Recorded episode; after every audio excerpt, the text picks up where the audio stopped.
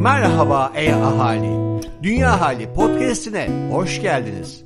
Burada sadece iklim krizinden değil, havadan, sudan da konuşuyoruz.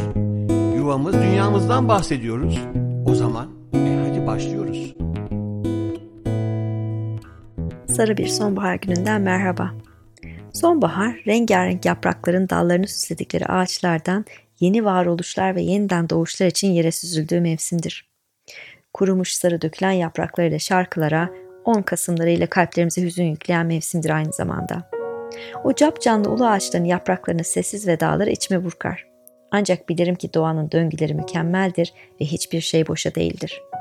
O ağaçların her ilkbaharda tekrar ve tekrar tazecik yaprakları, çiçekleri ve meyveleriyle hayata geri dönmesi için bu vedalar vazgeçilmezdir. Yere dökülen yapraklar aslında kendilerini gerçekleştirme yolculuklarına bir başka aşamaya geçmişlerdir. Sahip oldukları karbon, azot, fosfor, potasyum ve organik madde içeriğini toprağa geri vermek ve her baharda anne ağacının yeni yaprak yavrularının hazırlanması için güçlenmesine yardım etmek. Topraktaki çalışkan mikroorganizmalar ve solucanlar tarafından parçalanarak tekrar kullanılabilir hale gelen sonbahar yaprakları toprağın yapısını zenginleştirip sağlığına katkıda bulunurlar. Ve böylece doğa bir kez daha döngülerinde çöp olmadığını, her bir çıktının bir başka döngünün girdisi olduğunu kanıtlayarak biz insanlara sürdürülebilirlik dersi verir. İçimi en acıtan gözlemlerinden birisi siyah çöp poşetlerine doldurulmuş kuru yaprakları şehrimin çöp kutularında görmektir. Şehrin çöplüğüne giden belki tonlarca azot, fosfor, potasyum, humus, toprak, açmamış tomurcuk, toplanmamış meyve, koklanmamış çiçek ve o çiçekle beslenen arı ve kelebektir aslında o torbaların içindeki. Ne iç acıtan bir tablo. Keşke o yapraklar oldukları yerde kendi döngüleri içine dönüşmeye devam edebilseler. Dökülen yaprakları şehir hayatına bazen bu şekilde bırakmak mümkün olmasa bile başka yöntemlerle değerlendirmemiz mümkün.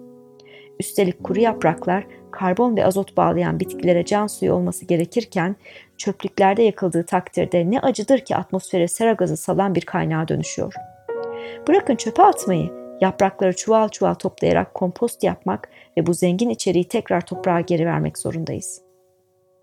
Sevgili Meyveli Tepe ekibi kuru yapraklar ve udanmış dallarla aslında kolaylıkla mis kokulu simsiyah cap canlı bir toprak elde edebileceğimize dair deneyimlerini paylaşıyor. Tek yapmamız gereken kendimizi doğanın akışına bırakmak. Sonbahar aynı zamanda bir budama mevsimidir de. Yollara atılmış budanmış dalların yalnızlıkları içimi parçalar.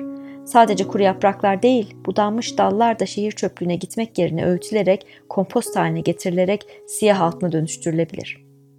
Kuru yaprakların ve dalların kışın toprağı örten bir malç olarak görev yapması da doğanın kendini koruma ve canlılığını sürdürme yöntemlerinden birisidir. Malçın faydaları saymakla bitmez toprağın ısısını ve nemini dengeler, ağaçların köklerini korur, oluşturduğu koruyucu ortamla birçok küçük canlının ağır mevsim şartlarında hayatta kalmasını sağlar ve biyoçeşitliliğe katkıda bulunur. Zamanı genci de bozunarak toprağa karışır ve başka bir canlının hayat macerasına katılır. Topraktaki organik karbon dünyanın en kıymetli maddesi demek yanlış olmaz.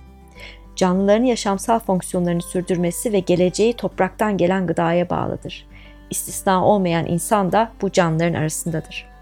Toprağın gıda kaynağı olmasının ötesindeki birçok başka hayati işlevinden bahsetmiyorum bile. Galileo Galilei'ye atfedilen cümle aslında bu konudaki tüm hislerime tercüman. Mücevher, gümüş ve altını kıymetli, yeryüzü ve toprağı zemin olarak nitelendirmekten daha aptalca ne hayal edilebilir? Dünyamıza hak ettiği saygıyı göstermek istiyorsak, doğadan aldığımız her şeyi ait olduğu yere döndürmekle mükellefiz. Dökülen yaprakların kuru dalların yeri de çöp değil, yaşam kaynağımız toprağımızdır. Görüşmek üzere.